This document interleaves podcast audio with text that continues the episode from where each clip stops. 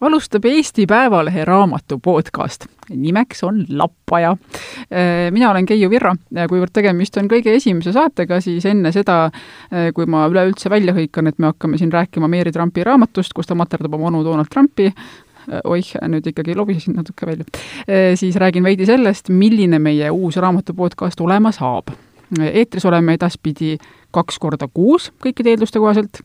järgmisel korral on teiega juba minu kolleeg Kristi Helme, kutsume igasse saatesse külalise, et arutada mõnda äh,, tahaks öelda, et meid endid parajasti kõigi, kõige enam huvitavat teemat mm,. just sellised kriteeriumid ongi äh,. Saate lõpupoole palume stuudiosse mõne raamatusõbrast kolleegi, kes räägib rubriigis Loe ennast õnnelikuks loo, mis on seotud raamatutega.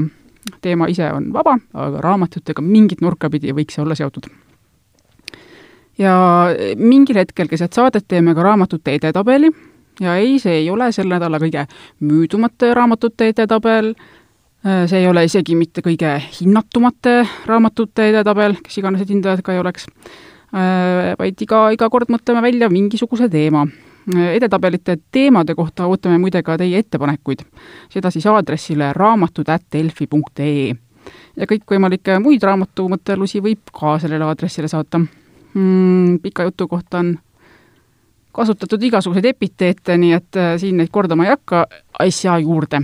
saate teises pooles tuleb külla Vilja Kiisler, tema jagabki äh, seda toredat raamatutega seotud lugu. esimeseks saatekülaliseks on aga ajalooline ja, ja, ja, ja nojah, nüüd ma ütlen juba ajalooline ajalooline inimene, ei, seda veel mitte. ajaloolane Aro Velmet, kes, mis seal salata, on ka minu pikaaegne hea sõber. tere, Aro! tere! Ja sellepärast ta räägibki imeliku tooniga, et ta saab endale seda lubada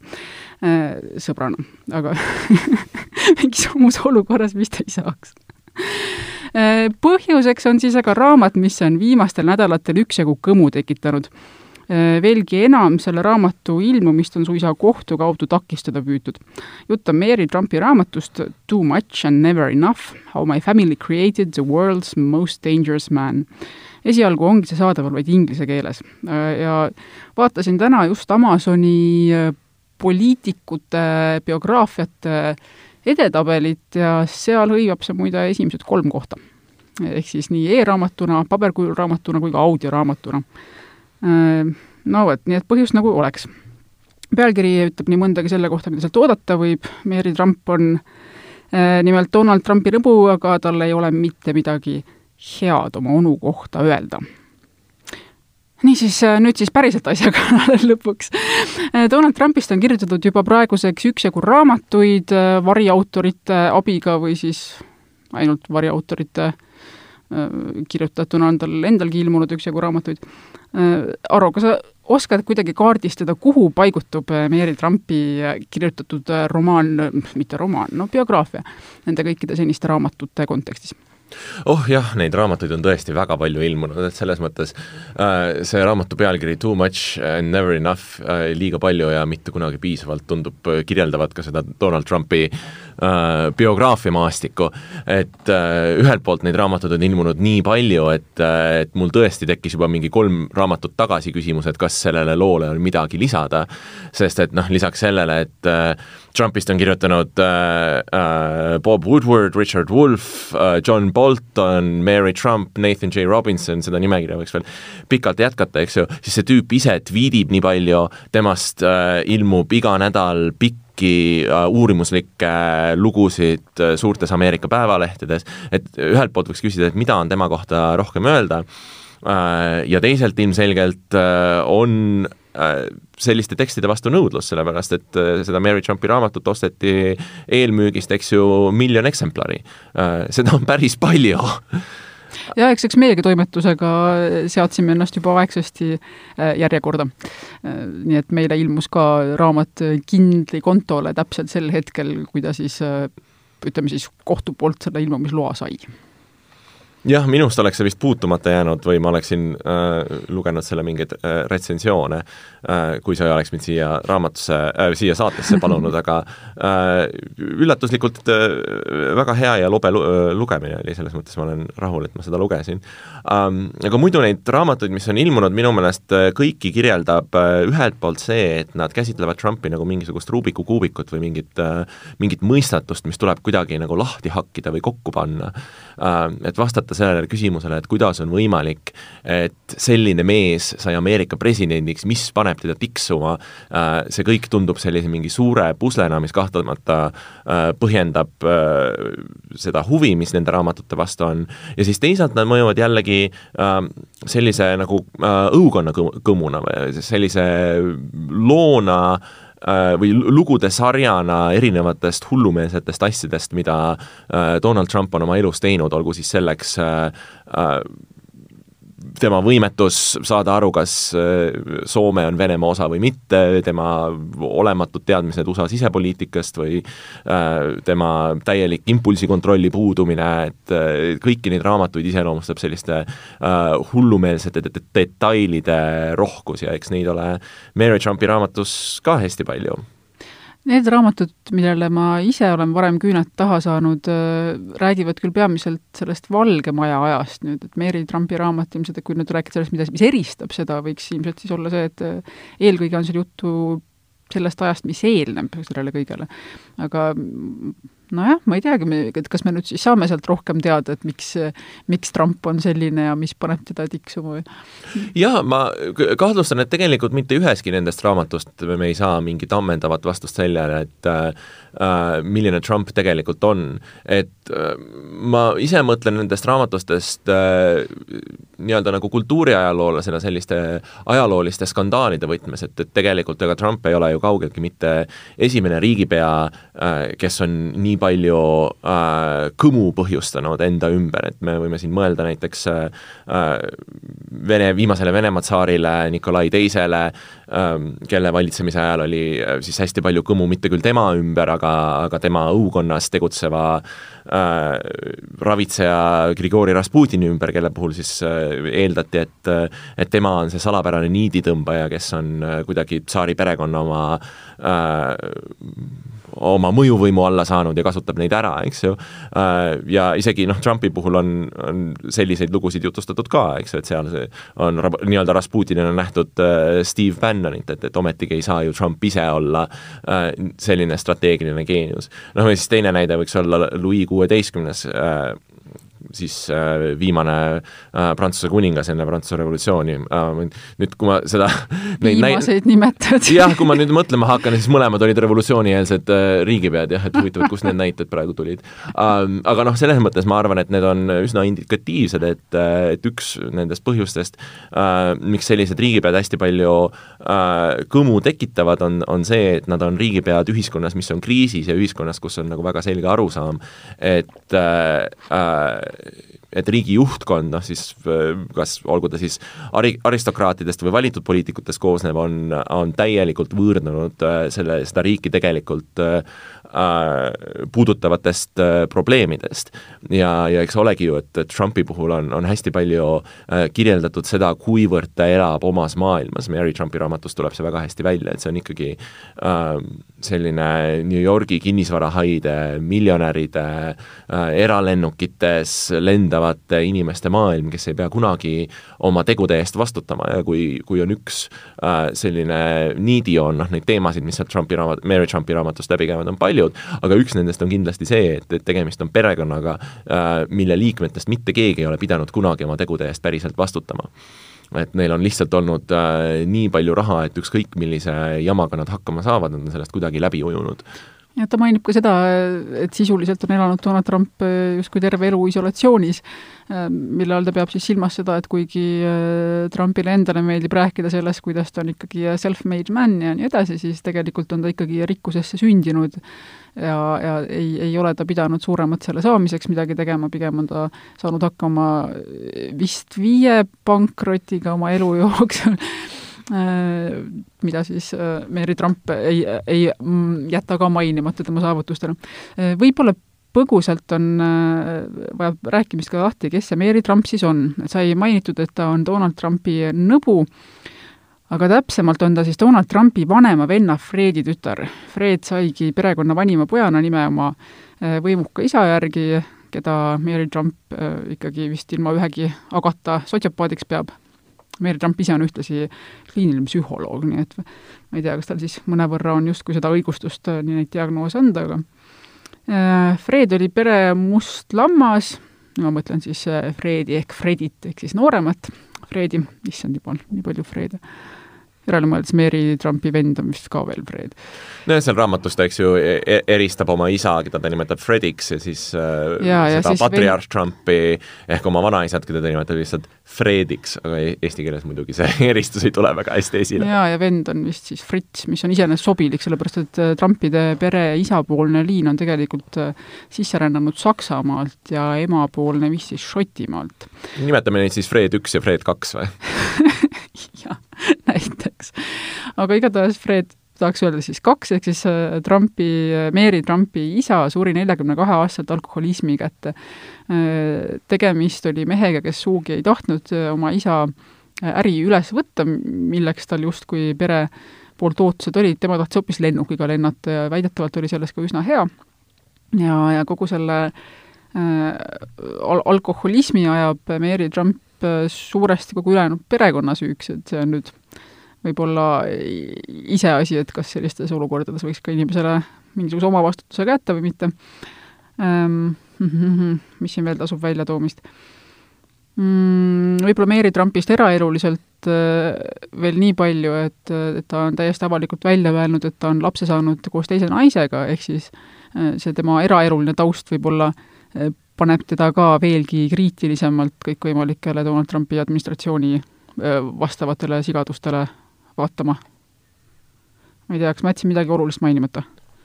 ei, ma arvan, et see on äh, üsna täpne kirjeldus ja kui nüüd äh, kuulaja mõtleb, et äh, miks me ei ole midagi öelnud Donald Trumpi kohta, siis ka see minu meelest on üsna täpne kirjeldus sellest raamatust, et et hoolimata sellest, et, et selle raamatu kaanel Donald Trump on ja et Donald Trump Mary Trumpi selle avaldamise pärast kohtusse kaebas, siis või oli see Robert Trump äkki hoopis, kes seda tegi? ehk siis noorem vend jah, ma pean ütlema, et ma ei pööranud või Trumpid tervikuna, keegi Trumpidest ühesõnaga kaebus kohtusse. Um, aga tõsi ta on, et äh, tegelikult see raamat äh, ei ole niivõrd Donald Trumpist enesest, kuivõrd ta on isegi rohkem äh, Fred üks ja, ja Fred kaks Trumpist ja, ja Trumpide klannist äh, kui sellisest. ja, ja kui nüüd äh, tulla tagasi selle küsimuse juurde, et mida sellised raamatud äh, äh, teevad või, või äh, kuidas neid peaks tõlgendama, siis äh, mulle on endale meeldinud see mõte, et äh, et sellised äh, rikaste ja ilusate elusid vaatlevad raamatud, isegi kui nad on nii-öelda siseringi liikmete poolt kirjutatud äh,, sageli peegeldavad rohkem äh, ühe ühiskond, ühte ühiskonda äh, selliseid valitsevaid murekohti või mingeid pingeid, kui nad ütlevad midagi selle perekoha äh,, perekonna enese kohta, noh, mis ei tähenda, et kõik see, mis seal kirjutatud on, ei pruugiks tõsi olla, aga noh, lihtsalt igast perekonnast võib alati jutustada miljon erinevat lugu ja see küsimus, et, et mil moel sa selle loo jutustad, tegelikult ikkagi ütleb midagi selle kohta, et mis parasjagu ühiskonnas kõneb kõnekas on. ja üks nendest asjadest, mis äh, selles Trumpi raamatus väga selgelt äh, teemana domineerib, on see küsimus äh, selle ümber, et äh, kas Ameerikas on äh, võimalik olla selline self-made man, mis on Ameerika unistuse see keskne komponent, eks ju, et kui sa oled tubli ja töökas, siis sa võid olla, eks ju, immigrant, kes tuleb Ameerikasse ilma ühegi pennita ja töötada ennast üles. ja see on ka see, see image, mida Donald Trump ise on äh, projitseerinud äh, ja tegelikult Mary Trump väga, väga huvitavalt äh, ähm, vastustab nii seda Donald Trumpi imidžit kui ka seda, seda kontseptsiooni, seda self-made man kontseptsiooni kui sellist. sest et ühelt poolt äh, on see raamat, eks ju, Donald Trumpist, kes on selline ähm, selline con artist, selline noh, põhimõtteliselt kelm, kes lihtsalt äh, suudab televisioonis väga hästi äh,, väga karismaatiliselt jätta endast muljet äh,, kuid nagu sa mainisid, eks ju, on tegelikult teinud läbi viis pankrotti ja üleüldse saanud suurema osa äh, oma rahast oma isalt, ja siis teisalt on seal äh, Fred Trump äh,, kes noh, hoolimata sellest, et, et Mary Trump tõesti äh, Fred Esimene talle absoluutselt ei meeldi, aga ta siiski tunnistab, et tema puhul oli ikkagi tegemist inimesega, kes tõepoolest töötas ennast üles. kes pida-, kes oli suhteliselt äh, tagasihoidlik äh,, tegi selliseid adekvaatseid äh, ärivalikuid äh,, nõjatus küll selles hästi palju Ameerika valitsuselt äh, saadud äh, rahalisele abile ja, ja sisuliselt nagu intressidele laenudele äh,, aga äh, noh, nii-öelda ei läinud sõtta, aga samal ajal ehitas hoopis sõjast tagasi tulnud inimestele maju. ma, jah, ja äh, maksis oma võlad ära ja äh, oli suhteliselt edukas. kõike ei maksnud ka? kõike ei maksnud ka, jah ja, ja noh, ja jällegi äh, sai föderaalvalitsuselt väga, väga palju abi selle, selle protsessi käigus ähm, nii et äh, sellest, nii ehk naa, ükskõik mis pidi sa vaatad, kas sa vaatad seda nii-öelda töökat, töökat Fred Trumpi või siis sellist täielikku ähm, ainult fassaadidele üles ehitatud Donald Trumpi, sellest self-made man'i loost äh, Ameerika ühiskonnas ei jää nagu eriti palju alles tegelikult. Muidugi teine asi, mis kohe tuleb pähe, on see, et kui sa juba mainisid äh, neid pennituid inimesi, kes ennast üles töötavad, siis äh, see on võib-olla konkreetne väljend isegi, mida võivad erinevad inimesed väga erinevas kontekstis kasutada. Näiteks Mary Trump kasutab seda kasutab küll, ta kasutab seda oma perekonna puhul, kuidas, kui ta mainib, et kuidas tema kas siis tädid on olnud pennitud või tema isa on olnud pennitu mingis olukorras, hoolimata sellest, et et Fred Trump esimesel on raha nagu muda, aga see pennitu olemine, sellel on pisut teine tähendus kui see, mis see võiks olla praegu, noh, ma ei tea, näiteks neil inimestel, kes äh, kes kogu selle koroonakriisi ajal USA-s oma kodudest saavad välja tõstetud või mida iganes, et et esiteks temal tervel perekonnal on olnud alati äh, Trumpi, mis iganes selle firma nimi siis on, nende väga luksuslik tervisekindlustus, mis on USA-s, ma saan aru, ikkagi üsna oluline ja tähtis asi äh,, samamoodi on juttu, kuidas noh, ikkagi kõikidel lastel ilma silmagi pilgutamata makstakse kinni kõik need USA üsnagi kulukad haridused. Ta nende igasuguste anekdootide juures, mis ta räägib perekonnast, on näiteks ka seda, kuidas Ivana Trump on tema emale, keda siis perekonnas väga ei sallitud nähtavasti, et kuidas tehti ka igal aastal mingisuguseid jaburaid kingitusi ja mul jäi kõige rohkem silma siis üks kirjeldus, kus tema emale kingiti Äh, täpsemalt äh, taaskingiti juba kingituseks saadud kott, mille, mida oli aru saada sellest, et sinna oli jäetud mingi kasutatud taskurätik sisse. Äh, tõepoolest nõme lugu, aga ühtlasi ta mainib seda, et see on, tegemist on mingisuguse väga kalli brändi käekotiga. et noh, selle, selles kontekstis on natuke raske kaasa elada sellele pennituks olemise sõnavarale selles kontekstis jah, ja äh, ma jäin mõtlema äh, selle peale nendes peatükkides, kus äh, Mary Trump pühendab võrdlemisi palju aega küsimusele, et kuidas äh, äh, siis Fred Trumpi äh,, Fred Trump esimese surma järel tema varandust jagati, eks ju, selleks ajaks Fred Trump teine oli juba mõnda aega surnud ja siis äh, äh Mary Trump nii-öelda äh, Fred Trumpi teist järku äh, sugulane lapselaps, eks ju, lootis, et sealt ka midagi temale tuleb ja siis oli, oli tema jaoks tohutu pettumus, et, äh, et, et tema sealt, sellest pärandusest äh, sugugi mitte nii palju raha ei saanud, kui ähm, siis Fred Trumpi otsesed järeltulijad. Ähm, ja ja, ja no tõepoolest, see on selline kaks peatükki hõlmav lugu, mis kirjutatakse suhteliselt pikas äh,, suhteliselt detailirohkelt lahti ja, ja siis äh, kõrvutada seda nende äh, New York Timesi või Washington Posti uurimustega äh, sellest, et kuidas, kust see Fred Trumpi raha, mida siis niimoodi äh, tema surmarajal jaotama hakatakse, tegelikult pärit on. et kui palju sellest ähm,, noh, jättes isegi kõrvale selle föderaalvalitsuse grandid, mida Fred Trump kasutas, aga kui palju sellest on äh, pärit äh, äh tehingutest, mis hõlmasid, eks ju, äh, näiteks mustanahalistele äh, süstemaatiliselt Äh, korterite mitteüürimisest, mis hõlmasid mis äh, on väga huvitav äh, vahepala, Donald Trump on olnud selles ka kõr-, kõr-, kõrvuni ja kaelani mässitud kohtuasja, kus, mis oli just nimelt jah. sellega seotud. Ja siis ka sellised väiksemad mahti, aga siiski nagu mastaapsed kelmused, kus lihtsalt Trumpi korporatsioon jättis mingitele töövõtjatele nende töö eest, ehitajatele jättis töö eest maksmata, et äh, ma arvan, et nendel ehitajatel, nendel alltöövõtjatel, nendel inimestel, kes, kellel, kelle jaoks tegelikult neid hooneid ehitati, eks ju, kogu selle föderaalse programmi mõte oli ehitada kortermaju inimestele, kes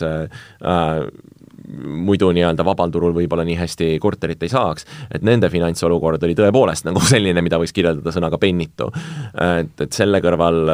valada pisaraid selle üle, et, et nad nende inimeste pealt teenitud kasumist äh, ei saanud nii suurt äh, osa, kui nad oleksid tahtnud ähm,,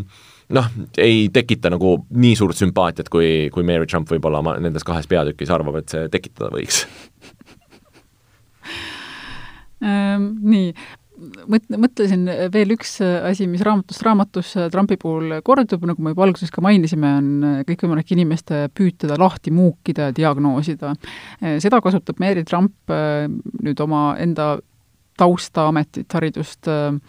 arvestades eriti mõnuga ära, et ta kohe alguses ütleb ära, et jah, loomulikult, kui räägitakse Donald Trumpist kui nartsissismi, nartsissistist, siis kõik need tunnused on olemas, aga ta ei peatu mitte sugugi seal, ta pakub seal veel erinevaid sümptomeid välja, näiteks äh, antisotsiaalse isiksuse häire omad, see tähendab siis äh, midagi, mille äärmuslikumaks vormiks võiks olla sotsiopaatia, aga ta nimetab ka noh, kõikvõimalikelt teistest sõltumist, ka seotud probleeme, probleeme vastutuse võtmisega, õppimishäiret, äh, aga isegi umbes kaksteist äh, päevas joodud äh, dieetkoolat, mis siis põhjustavad unehäireid. nii et värvidega seal ta kokku ei, ei hoia mitte kuidagi ja mm -hmm. mille, mille kaela ta vist kirjutab ka äh, Trumpi selge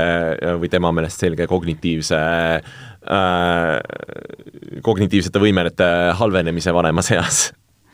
ja, ja, ja, ja muuhulgas ka omakorda Donald Trumpi meetodid, kuidas siis seda justkui varjata, näiteks need kuulsad helikopteri müra taustal äh, antavad, ma ei tea, kas neid saab pressikonverentsideks nimetada, aga igatahes kuna kopter müriseb, siis see võimaldab Trumpile alati anda hästi, kas hästi kiireid vastuseid või siis äh, öelda ei kuule, ei kuulnud. Ja edasi minna kiiresti, kui ta ei tea, mida ütlema peaks nii, äh, nüüd on koht-, kohustuslikud dia-, diagnoosid on äh, markeeritud, aga, aga edasi võib-olla selle juurde, et ma ei tea, kuidas sulle tundub, mis on Mary Trumpi raamatu eesmärk olnud? et ta kohe alguses mainib ära, et ta, ta ei kahtle hetkekski ise ka, et kindlasti kõik hakkavad seostama seda siis tema rahahimuga või kättemaksuhimuga, sest noh, lisaks kõigele muule on ta see naine, kes lekitas materjalid äh, kas see oli siis New York Timesile, kes tegi selle hiigelpika loo vist kogu sellest Trumpide varandusega seotud pahategudest ja aga, aga mis ta siis püüab, maailma päästa? no ma arvan küll, ta enam-vähem ütleb seda, eks ju, et, et see, mis teda motiveeris üleüldse äh, noh, kõigepealt Timesiga koostööd tegema ja, ja siis seda raamatut kirjutama, oli see, et ta sai aru, kui palju kahju äh, Donald Trump maailmale teeb, ta nimetab seda, mida ta praegu presidendina teeb, sisuliselt massimõrvaks, on ju um,. otseselt massi, massimõrvaks, jah ja. Aga teisalt see võib-olla uh, rohkemgi kui uh, need teised raamatud, mis on, mida John Bolton või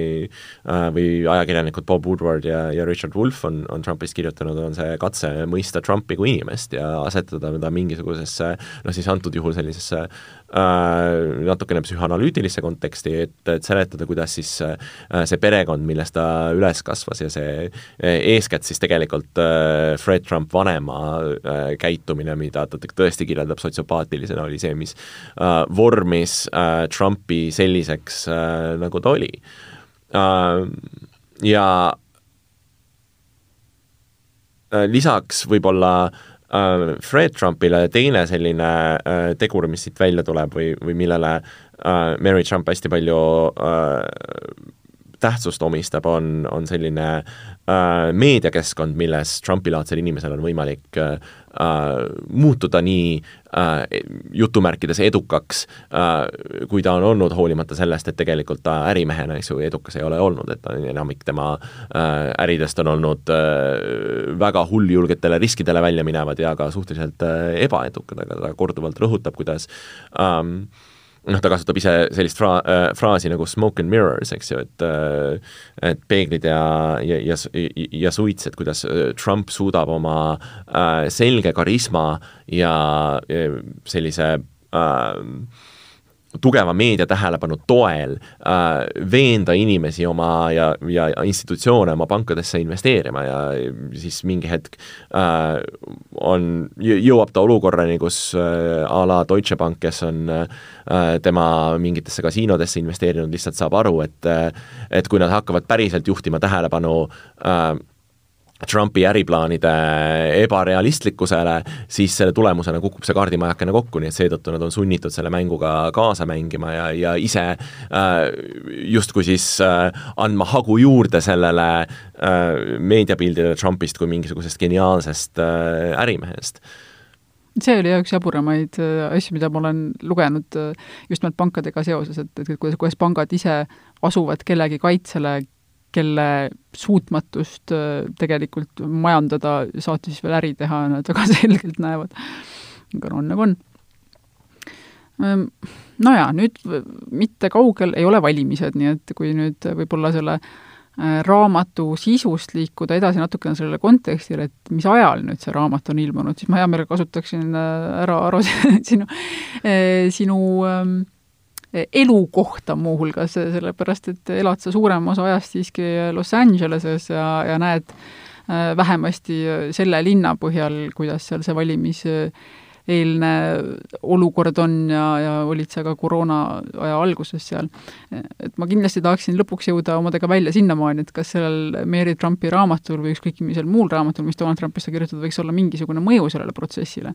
aga enne võib-olla noh, jah, jällegi, et kui sa juba siin oled, siis kasutan olukorda ära. kas sa võiksid natukene kirjeldada seda, et milline see poliitiline olukord üleüldse praegu on? Ma tean, see on jube üldine küsimus. see on väga üldine küsimus ja sellele on pealegi äh, keeruline vastata, sellepärast et see muutub nii kiiresti, sest et äh, tõesti, et viimase äh, kolme aasta, kolme kuu jooksul on juhtunud rohkem asju Ameerika ja maailma poliitikas kui mitme möödunud aasta jooksul või aastakümne jooksul. muide, muide just kokku. enne, enne siia stuudiosse tulekut vaatasin viimast, vist oligi New York Timesi saadetud Bushi, mis ütles, et Donald Trump nüüd näeb vaeva sellega, et et tahaks hirmsasti valimisi edasi lükata, sest ta avastas, et need, et need tulemused üldse ei räägi praegu tema kasuks, aga tal vist noh, paraku ju, paraku ei ole sellist võim-, võimalust seaduse poolt ette nähtud. jah, lugesin ka seda tweet'i hommikul um, et ma, see poliitiline olukord on, on väga pinev ja äh, mingil määral ma arvan, et äh, sellised raamatud nagu, nagu see Boltoni raamat või siis Mary Trumpi raamat on, on teatud määral pinnapirvendus, sellepärast et äh, et neid sündmusi, mis äh, päriselt inimeste elusid äh, konkreetselt igapäevaselt mõjutavad, on vii-, viimastel nädalatel tekkinud nii palju. Äh,, et noh, ühelt poolt eks ju kõik, mis on seotud koroonaviirusega, millised äh, osariigid äh,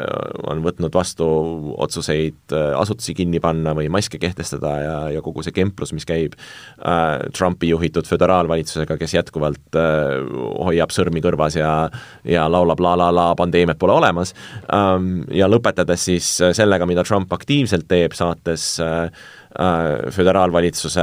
agente Portlandi, äh, Chicagosse, New Yorki, kus siis äh, sõna otseses mõttes inimesi aetakse eraldusmärkidega, e-, eraldusmärkideta autodesse selle nimel, et, et nendes linnades korda hoida. et selle, sellepärast, et keegi joonistas mingisuguse maja peale graffiti või, või, või lõhkus paar akent kuskil ära. Et need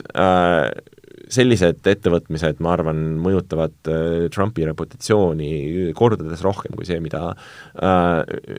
mida Bolton või, või Mary Trump temast äh, kirjutada jaksavad, seda enam, et tegelikult kõik, noh jällegi kõiki neid asju me tegelikult ju juba teadsime. et mingisugust šokeerivat äh, avastust, mis oleks äh, pannud sind kahe käega peast kinni hoidma ja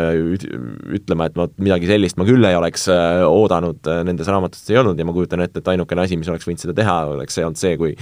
oleks selgunud, et äh, Trumpil ongi tegelikult mingisugune sala, salaplaan ja ta lihtsalt on äh, mänginud seda, seda rolli kõik need aastad ja ja tegelikult on tegemist mingisuguse Garri Kasparovi mõõtu meistermaletajaga, aga noh, seda me ühestki nendest raamatutest tegelikult ju teada ei saanud mm. -hmm no ma ei tea, kas me tahamegi Trumpile enam rohkem aega pühendada või on nüüd juba läinud piisavalt masendamaks, et võib selle, selle episoodi kokku tõmmata jah, võib-olla tõesti, jah. aga ütle, ütle võib-olla nii palju, kas sa soovitad seda raamatut lugeda? tead äh,, ilmselt nendest äh, Trumpist kirjutatud raamatutest ma soovitan seda võib-olla kõige rohkem, võib-olla kui selle kõrvale nagu soovitada äh, just sellepärast, et ta äh, esiteks ei ole nii palju Trumpist, ta on sellest perekonnast äh, kui sellisest ja, ja minu meelest äh, sellise Ameerika ettevõtluse äh, ajaloo nagu sisevaatena ta töötab äh, päris hästi, et sealt saab päris selge ülevaate, millised inimesed äh, kinnisvaraarenduses äh, USA-s töötavad, kuidas on äri äh,, riigijuhtimine äh,, omavahel, meedia omavahel Ameerikas seotud, see on, see on päris hea sissejuhatus selle jaoks ja kui selle kõrvale midagi äh, nagu poliitilisemat ja tummisemat soovitada, siis võib-olla äh, sellise noore ajakirjaniku Nathan J. Robinsoni kirjutatud raamatut Trump, The Anatomy of a Monstrosity äh,, mis on võib-olla nendest Trumpi raamatutest kõige vähem tuntud äh, ja oli üks esimesi, mis ilmus äh,, mis ilmus üsna vahetult pärast tema presidendiks valimist ja äh, avaldas muljet just sellepärast, et, äh, et Robinson oli üks äh, äh, väheseid inimesi, kes äh, enam-vähem sellest hetkest, kui Hillary Clintonist sai äh, demokraatide presidendikandidaat, ennustas, et Trump ka need valimised võidab äh,. Ja tema oma esseedes, mis on sellesse raamatusse kogutud, tõesti nagu äh, katsub haarata seda suurt pilti ja rääkida mitte niivõrd Trumpist, vaid rääkida sellest äh,, äh mis on, on Ameerika poliitikas viimase kümne-viieteist aasta jooksul juhtunud, mis tegi sellise Trumpi-laadse tegelase äh, tõusmise üleüldse võimalikuks. et kui nendele teistele raamatutele midagi ette heita, siis võib-olla tõesti seda, et nad keskenduvad nii palju sellele äh, Trumpi äh, karakterile, mis tõepoolest on hästi värvikas ja hästi, hästi paeluv, aga võib-olla sellele liigselt keskendumine ongi täpselt see asi, mida nii-öelda Trump isegi tahaks et me teeksime ja võib-olla sellega me ka kaotame silmist selle suure pildi. sest et äh, noh, kui ei oleks olnud Trumpi, siis oleks võinud olla äh, noh, vabariiklased on, äh, on suure eduga mitmeid valimisi järjest esitanud suhteliselt hullumeelseid kandidaate, et mäletagem, et kunagi oli George W Bush selline tegelane, kelle üle tehti rahvusvaheliselt nalja tema sellise madala intellektuaalse võimekuse ja, ja rahvusvahelise elu vastu huvi puudumise tõttu. et ega ta ei ole ju, Trump ei ole esimene. kes oleks osanud arvata Bushi ajal, et tuleb keegi, kes nii palju üle mängib muidugi, aga mm -hmm. nii, egas midagi, juttu oli äh, Mary Trumpi raamatust Too much and never enough, how my family created the world's most dangerous man. Ehk siis raamat sellest, kuidas Mary Trumpi perekond lõi maailma kõige ohtlikuma mehe, kui nüüd üritada niimoodi äh, otsepuusalt tõlkida äh,. stuudios oli ja on loodetavasti paar hetke äh, veel minuga ajalooline Aro Velmet nüüd teeme õige pisikese pausi, et pärast seda jätkata ühe edetabeliga, kus siis natukene sellest samast teemast inspireerituna on reas erinevate poliitikute biograafiad ja saate lõpus on külas juba hea kolleeg Vilja Kiisler, kes räägib ühe loo, mis on seotud raamatutega ja mis on teinud tema tuju heaks.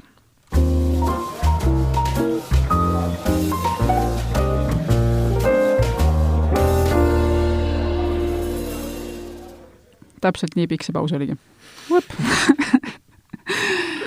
aga käes on käes, käes on siis esimese edetabeli aeg. see on mõistagi väga subjektiivne, edetabel ei pretendeeri mitte mingil juhul mitte mingisugusele lõplikkusele mitte mingis osas, veelgi enam, ootame aadressile raamatud.delfi.ee teie, head kuulajad, arvamusi, mis seal edetabelis on täiesti kindlasti puudu, mis seal peaks igal juhul olema nii et ma siis loen nüüd ma tasapisi ette need valikud, mille ma koos erinevate kolleegide ja tuttavate abiga olen kokku pannud ja Aro, kes on jätkuvalt veel stuudios, saab siis äh, vajadusel kas rõõmust või kurvastusest vahelehõikeid teha, aga võib-olla ka täiesti tasa. nii et äh, kes teab, kes teab. niisiis, esiteks, üks üldhinnatud biograafia. The Years of Lyndon Johnson, minu teada ei ole eesti keelde tõlgitud. Või on? tead sa? minu meelest ei ole. vist ei ole. nii, äh, see on äh, neljaosaline sari, mille autoriks on Robert Caro, ma ei tea, kas sa hääldad, on Caro või? Caro, jah. Caro, Caro. Ähm, temal on selline kirjaviis, et, et ta on isegi kohvilonksu joomisest äh, teinud suured suursündmused ja ja ma saan aru, et seda on äärmiselt huvitav just stilistiliselt lugeda, ma ise seda ei ole lugenud, nii et ma selle koha pealt ei oska öelda, aga kas sa oled? Äh, ma olen seda lugenud pisteliselt, sellepärast et see on umbes äh,, nagu sa ütlesid, see on neljaosaline, see on umbes kaks tuhat lehekülge pikk, aga seda tõesti peetakse sellise poliitilise biograafia absoluutseks äh, tipuks, et äh, Lyndon Johnson ise oli hästi huvitav tegelane, ta pikka aega oli äh,, enne kui ta presidendiks sai või enne kui ta asepresident, kõigepealt asepresidendiks, siis presidendiks sai, oli ta äh, demokraatide senati enamuse juht ja, ja see inimene, kelle ülesandeks oli äh, siis nii-öelda mudida individuaalsete senaatorite käsi ja, ja veenda neid ühe või teise seaduseelnõu poolt hääletama ja ta oli tõesti noh, mees, kes oskas teha äh, seda äh,, mis see hea eestikeelne termin on äh,, äh, hobusekau-, lehmakauplemist äh, väga hästi. ja, ja lisaks siis on ta veel markantselt tuntud äh, selle poolest, et, et tal oli äh, legendaarselt suur väikemees äh,, mida ta äh, armastas äh, tualetis käies äh, teistele inimestele demonstreerida ja siis äh, sellega neid äh, hirmutada äh, ja näidata oma üle, üleolekut äh, äh, nendest, et asi, mis aastal kaks tuhat kakskümmend ilmselt ei ole äh, no, sugugi jah, nii võimalik äh,. president oli ta kuuekümnendate aastate lõpus, kas siis ei olnud veel autodega võimalik näidata, kui suur on sinu äh, mingi asi? okei okay,, läheme edasi teine raamat ei ole nüüd mingisuguses äh, järjekorras üks, kaks, kolm äh, nagu hinnanguliselt, vaid lihtsalt teine raamat on Ron Chernow Alexander Hamilton. Nüüd siis USA ajaloo suurkujudega jätkates, tegemist on mehega, kellest oleks võinud saada üks esimesi Ameerika USA presidente, vabandust, Ameerikaks ei ole ilus nimetada, ainult USA-d siin nimekirjas ei ole ta mitte sellepärast, et ta oleks ise niivõrd raamatuna hinnatud, vaid pigem on tema väga suur väärtus selles, et äh, see on olnud siis inspiratsiooniks või aluseks äh, Lin-Manuel Miranda muusikalile kah Hamilton on selle nimi. Ja muusikali muide nüüd võib-olla tasub isegi rohkem mainida, sellepärast et see on väljas nüüd ka filmi kujul. ja see on äh, kahtlemata olnud viimase kümne aasta kõige populaarsem muusikal USA-s, ma ei ole ammu näinud äh, nii palju äh, kõmu ja kära niivõrd välja müüdud muusikali ümber. Ja noh, kui ta lugeja nüüd kujutab ette, et, et kui palju turgu võiks Eestis olla näiteks Jürgen Ligist tehtud muusikali, eks, et põhimõtteliselt see on muusikal USA rahandusministrist. Ja ometigi on see tehtud äh, väga atraktiivseks, poliitiliselt on selle kallal päris palju noritud, ähm, aga kui seda vaadata lihtsalt sellise toreda loona, ähm, kus on meeldivalt äh, mitmerahvuseline ja mitmerassiline äh, näitlejaskond, mida Ameerika isisad ka kind-, päris kindlasti tegelikkuses ei olnud. Colorblind casting. täpselt nii, siis see on väga meeldivad kolm tundi Äh, jaa, ühtlasi hip-hop muusikal äh, üks väga tuntud lugu, äh, sellised sõnad on ühtlasi pealkirjas järgmisel raamatul, mida ma nimetaksin, mis on siis põgusalt juba läbi käinud täna, John Boltoni The Room Where It Happened, White House Memoir, ehk siis raamat Donald Trumpist, mis noh, pead ei saa anda, aga ilmselt on sealt muusikalist ikkagi selle pealkirja saanud. Tuli enam-vähem Mary Trumpi raamatuga samal ajal välja, pisut varem vist. Äh, ette heidetakse autorile minu meelest peamiselt seda, et ta kõiki neid asju, mis ta raamatusse kirja pani, ei öelnud siis, kui Trumpi umbusaldati. raamatut ma ei ole lugenud, aga see laul Hamiltoni muusikalis on väga äh, catchy. jaa, see hakkas mul praegu just peas kummitama. nii, klassikutest. Ian Kershaw kaheosaline Hitleri biograafia. nimi ongi Hitler, ma tahaks öelda. vist peetakse senimaani kõige paremaks ja põhjalikumaks Hitleri raamatuks, ma ei oskagi rohkem selle kohta öelda. nii, nii on ja see on äh, ka eesti keeles olemas, nii et äh, seda saab äh, äh, ma arvan, hästi varustatud raamatupoest kätte, see on äh, äh, tõepoolest, kui tahta saada ülevaadet äh, mitte ainult sellest, mida Ian Kershaw Hitlerist arvab, vaid mida mitu põlvkonda ajaloolasi on Hitlerist, kolmandast äh, riigist äh,, holokausti põhjustest äh, umbes kolme-neljakümne aasta jooksul arvanud, siis Kershaw sünteesib seda väga hästi ja lisaks on tal väga huvitavad võrdlused Hitleri ja Stalini valitsemismeetodite vahel, et kui Stalin oli tuntud, eks ju, sellise tüübina, kes äh, äh, hiliste õhtutundideni äh, töötas dokumentidega äh,, mikromanageeris kõige väiksemaid otsuseid, siis äh, Hitler tähendab Kershaw sellise tüübina äh,, noh, ta kasutab sellist fraasi working towards the Führer, et, et Hitler ise nagu ei armastanud ta, ta, talle meeldis tegeleda nii-öelda suure pildiga, et ta aeg-ajalt pidas mõne kõne ja siis uh, tema alluvate ülesandeks oli välja mõelda, et äh, kuidas siis see kõne tõlgendada konkreetseks, konkreetseteks otsusteks ja tegevusteks. Ähm, et selles mõttes ka nagu väga huvitav sissevaade sellesse, et kuidas totalitarism toimib. ja nüüd midagi sootuks erinevat. Robert Graves, Graves, ma ei oska hääldada. Graves no ma ütlen Graves, aga mulle meeldib see mõte Graves, okei okay.. Äh, mina, Claudius, see ei ole küll biograafia, vaid ajalooline romaan, aga on siin nimekirjas, sest sina ütlesid, et tuleks miks? Äh, see võib-olla oli äh, minu esimene kokkupuude, noh jällegi, see ei ole tegelikult äh, ajalooline biograafia, aga, aga sellise äh, poliitilise äh, loo jutustamise žanriga, et ma arvan, sellisele äh, neljateist-viieteistaastasele lugejale äh, kindlasti soovitan. et äh, Vana-Rooma, siis lugu on Vana-Rooma äh,, Antiik-Rooma keisrist Claudiusest ähm, ja sellest, kuidas äh, kõik peavad teda äh,, natuke niisugune Blackadderlik lugu, et kõik peavad teda hästi lolliks, tegelikult on hästi tark ja seetõttu suudab manööverdada äh, ennast äh, sellisest viiendajärgulisest äh, ülikust äh, Rooma riigi keisriks äh, väga sümpaatne selline põnevikulaadne lugemine ja kellele ei meeldiks Antiik-Rooma jaa, müüdud, müüdud. nii, järgmiseks äh, kuule, ma olen täiesti hädas nende nimedega, ma oleks pidanud äh, Forbot palju paremini kasutama enne.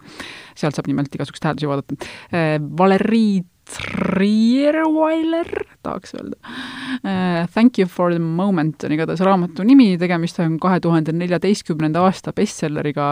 mille peaosas on siis Francois Hollande uh,. ma saan aru, pea, peamiselt võeti sealt raamatust uh,, tähendab,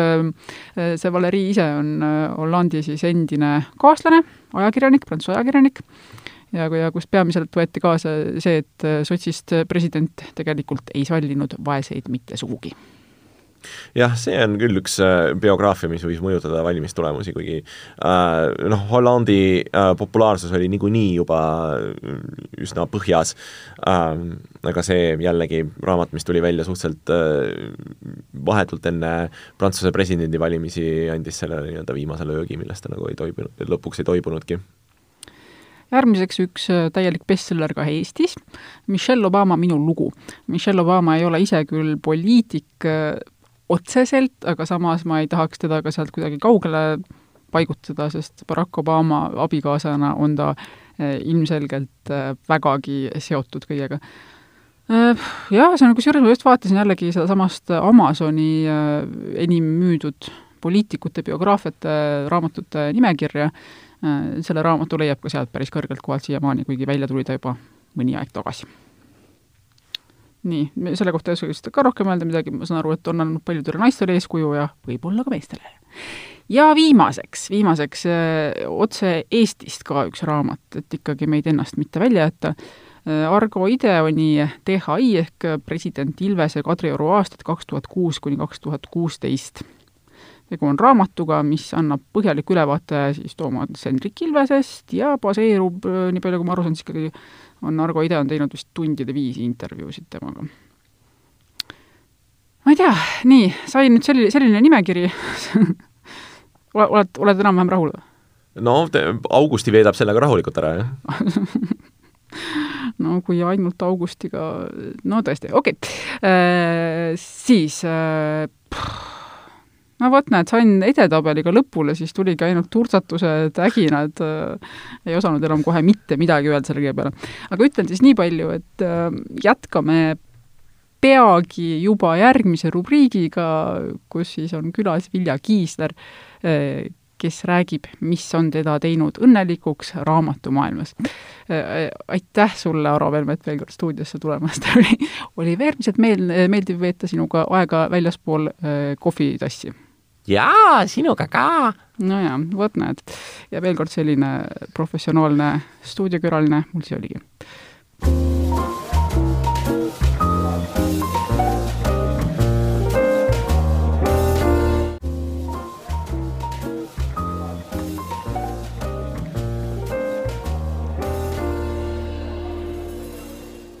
Ja oleme tagasi raamatu podcastiga Lappa ja mina olen Keiu Virro. jätkame rubriigiga Loe ennast õnnelikuks.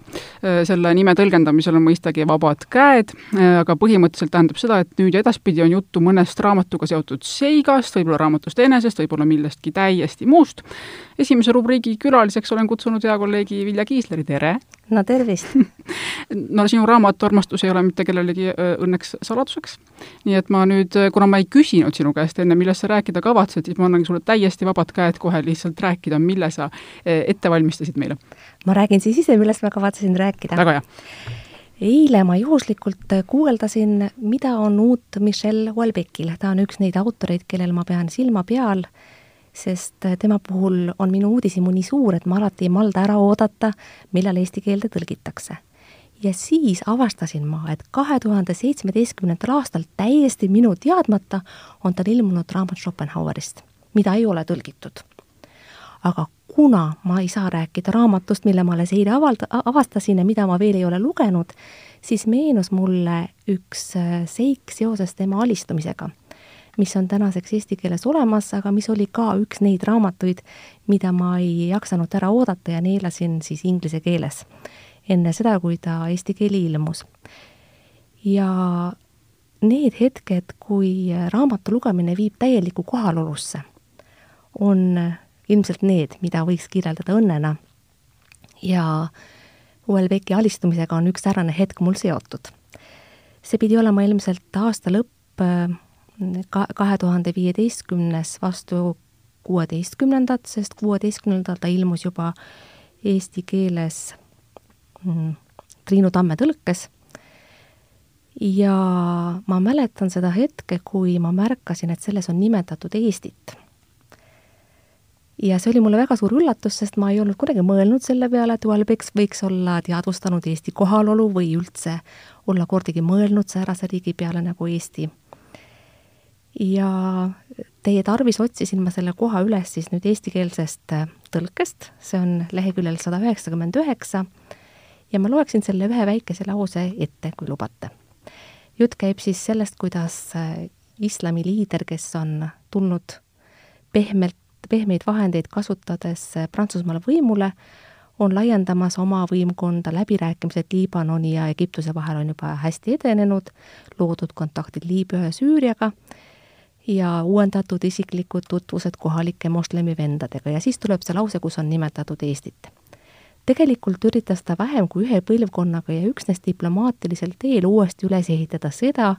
mille teostamiseks oli Rooma impeeriumil kulunud sajandeid. liites juurde ja pealegi ühe püssi, ühegi püssipauguta suured territooriumid Põhja-Euroopas kuni Eesti, Skandinaavia maade ja Iirimaani välja mul on meeles see hetk, kui ma lugesin Eesti nime sellest teosest ja ma mäletan seda tunnet, kui väike on maailm. praegu mul kombeks arutleda selle üle, kui suur on maailm ja kui suureks ta jääb pärast seda, mis koroona meiega on ette võtnud. Ehm,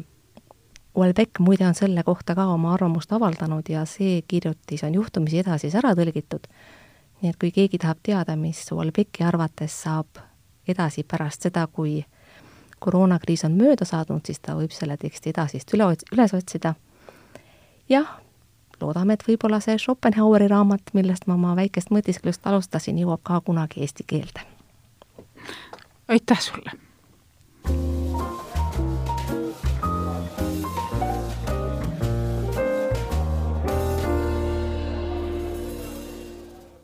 Sellega tõmbamegi esimese lappaja otsad kokku. mina olen Keiu Virro, stuudios oli mulle seltsiks alustuseks Aro Velmet ja hiljem Loe ennast õnnelikuks rubriigis Vilja Kiisler, kes rääkis Julepeki ja Eesti seostest ettepanekuid järgmisteks edetabeliteks ja kõiki muid häid mõtteid ootame aadressil raamatud.delfi.ee